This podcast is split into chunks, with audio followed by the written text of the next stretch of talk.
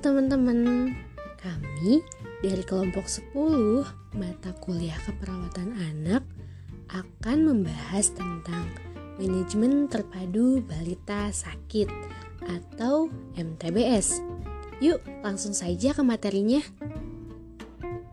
Manajemen terpadu balita sakit atau MTBS merupakan pendekatan keterpaduan antara tata laksana balita sakit yang datang berobat ke fasilitas rawat jalan pelayanan kesehatan dasar yang meliputi upaya kuratif terhadap penyakit pneumonia, diare, campak, malaria, infeksi telinga, malnutrisi, dan upaya promotif dan preventif yang meliputi imunisasi, pemberian vitamin A, dan konseling pemberian makanan yang bertujuan untuk menurunkan angka kematian bayi dan anak, serta menekan morbiditas karena penyakit tersebut.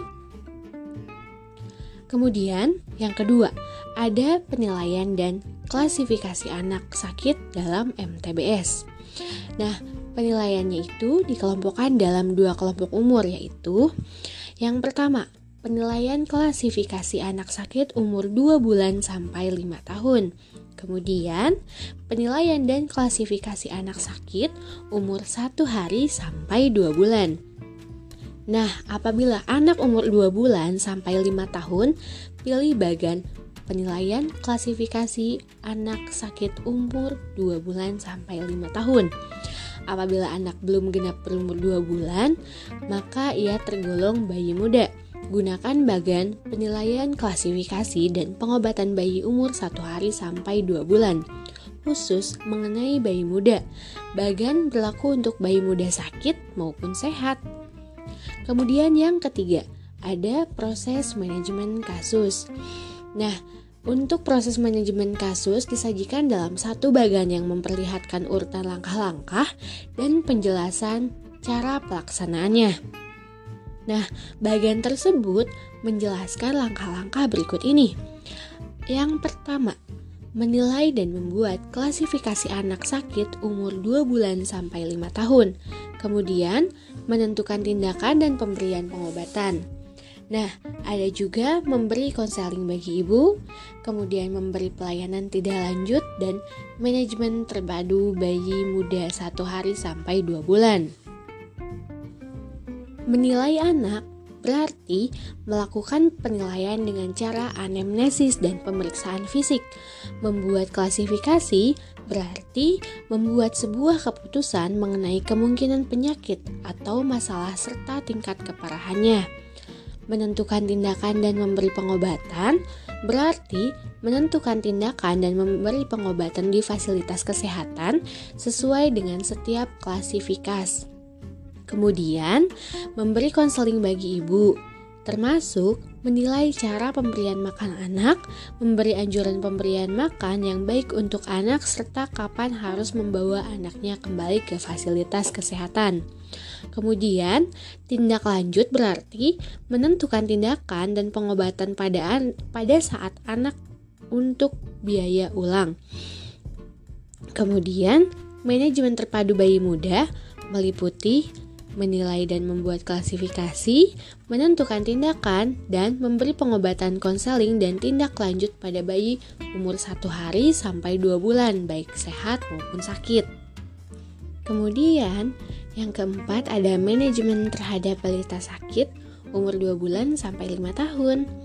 Nah, pada pelaksanaan manajemen terpadu balita sakit pada umur 2 bulan sampai 5 tahun dengan tahap penilaian dan gejala, tahap klasifikasi dan tingkat kegawatan, tahap tindakan dan pengobatan, tahap pemberian konseling, dan tahap pelayanan tindak lanjut. Kemudian juga ada penentuan klasifikasi dan tingkat kegawatan. Nah, pada penentuan klasifikasi dan tingkat kegawatan ini dilakukan setelah penilaian tanda dan gejala yang diklasifikasikan berdasarkan kelompok keluhan atau tingkat kegawatan. Nah, kemudian yang kelima ada penentuan tindakan dan pengobatan. Pada tahap ini, kegiatan yang dilakukan adalah menentukan tindakan dan pengobatan setelah diklasifikasikan berdasarkan kelompok dan gejala yang ada. Yang pertama ada pneumonia. tindakan yang dapat dilakukan pada masalah ini dalam manajemen terpadu balita sakit adalah yang pertama, memberikan dosis pertama antibiotika, kemudian melakukan rujukan segera. Nah, selanjutnya ada dehidrasi. Pada klasifikasi dehidrasi, tindakan yang dapat dikelompokkan berdasarkan derajat dari dehidrasi. Apabila klasifikasi dehidrasi berat, maka tindakannya adalah yang pertama memberikan cairan intravenous secepatnya, kemudian melakukan monitoring setiap 1 sampai 2 jam. Yang kemudian memberikan oralit kurang dari 5 mili per kilogram per jam. Yang selanjutnya juga ada melakukan monitoring kembali sesudah 6 jam pada bayi atau anak yang kemudian ditentukan status dehidrasi dan dilakukan sesuai dengan derajat maaf derajat dehidrasi. Yang terakhir, menganjurkan untuk tetap memberikan ASI. Nah, kemudian ada klasifikasi diare persisten Nah, pada klasifikasi ini, tindakan yang ditentukan oleh derajat dehidrasi, kemudian apabila ditemukan adanya klorea, maka pengobatan yang ada dapat dianjurkan adalah yang pertama, meminum antibiotika, kotrimoxazole, dan pilihan kedua adalah tetrasiklin. Nah, kemudian juga ada klasifikasi resiko malaria. Nah, penanganan tindakan dan pengobatan pada klasifikasi resiko malaria dapat ditentukan dari tingkat klasifikasi. Yang pertama ada pemberian kinin untuk malaria dengan penyakit berat. Kemudian, pemberian obat anti malaria. Selanjutnya, setelah pemberian, maka lakukan pengamatan selama 30 menit sesudah pemberian kloroquine dan apabila dalam waktu tersebut terdapat muntah, maka ulangi pemberian kloroquine. Nah, kemudian ada klasifikasi campak. Pada klasifikasi ini dapat dilakukan tindakan sebagai berikut. Apabila campak dijumpai dengan komplikasi berat, maka tindakannya adalah pemberian vitamin A, antibiotik yang sesuai, salep mata tetraksiklin atau chloramfenicol apabila dijumpai keluhan pada kornea. Kemudian pemberian paracetamol apabila disertai dengan demam tinggi sampai 38,5 derajat Celcius. Apabila campak disertai dengan komplikasi mata dan mulut ditambah dengan gentian violet dan apabila hanya campak saja tidak ditemukan penyakit atau komplikasi lain, maka tindakannya hanya diberikan vitamin A. Kemudian ada klasifikasi demam berdarah. Nah, pada klasifikasi ini, tindakan yang dapat dilakukan antara lain apabila ditemukan, maka segera berikan cairan intravena, pertahankan kadar gula darah, apabila dijumpai demam tinggi, maka berikan paracetamol dan berikan cairan atau oralit apabila dilakukan dilakukan rujukan selama perjalanan. Nah, ada juga klasifikasi status gizi. Nah, pada klasifikasi ini dapat dilakukan tindakan pemberian vitamin A.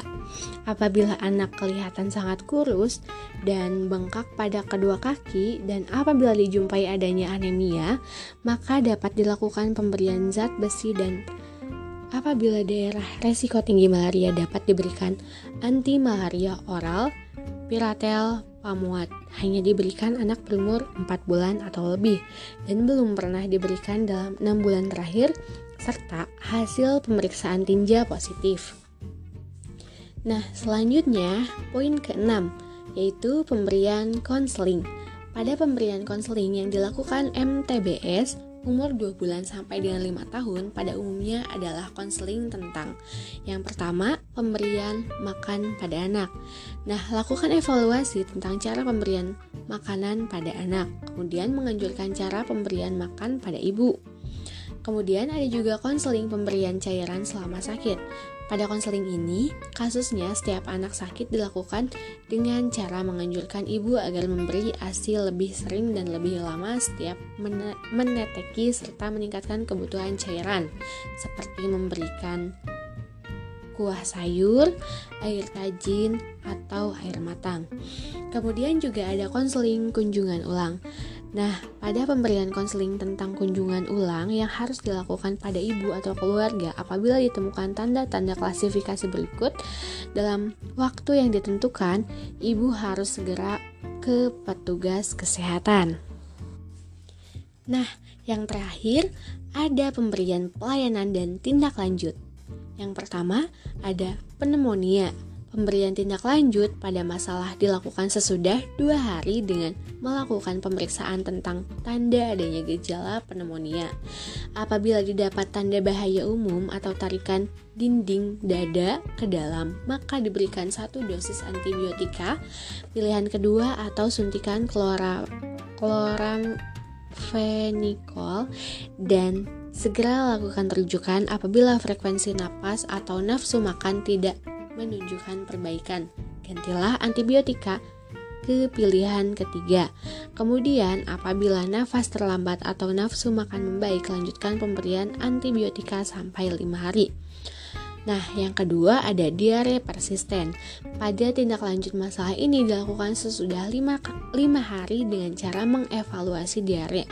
Kemudian yang ketiga ada disentri. Pelayanan tindak lanjut untuk disentri dilakukan sesudah dua hari dengan mengevaluasi jumlah darah dalam tinja berkurang tentang tanda disentri. Nah, yang keempat ada resiko malaria. Pelayanan tindak lanjut pada resiko malaria dilakukan sesudah dua hari apabila demam lagi dalam 14 hari dengan melakukan penilaian sebagai berikut. Nah, apabila ditemukan malaria oral, pilihan kedua bahaya umum atau kakuk kuduk, maka lakukan tindakan sesuai protap. Kemudian yang kelima ada campak. Pelayanan tindak lanjut pada klasifikasi campak ini dilakukan sesudah dua hari dan mengevaluasi atau memperhatikan tentang gejala yang pernah dimilikinya. Apabila mata masih bernanah, maka lakukan evaluasi kepada keluarga atau ibu dengan menjelaskan cara mengobati infeksi. Nah, yang keenam ada demam berdarah. Nah, pada klasifikasi pelayanan tindak lanjut dilakukan sesudah dua hari dengan melakukan evaluasi tanda dan gejala yang ada. Nah, yang terakhir nih, ada masalah telinga. Pada pelayanan tindak lanjut masalah telinga ini dilakukan sesudah lima hari dengan mengetahui evaluasi tanda dan gejala yang ada. Nah, cukup sekian ya yang bisa kelompok kami sampaikan. Mohon maaf juga apabila terdapat kata yang salah pada saat penyampaiannya. Terima kasih.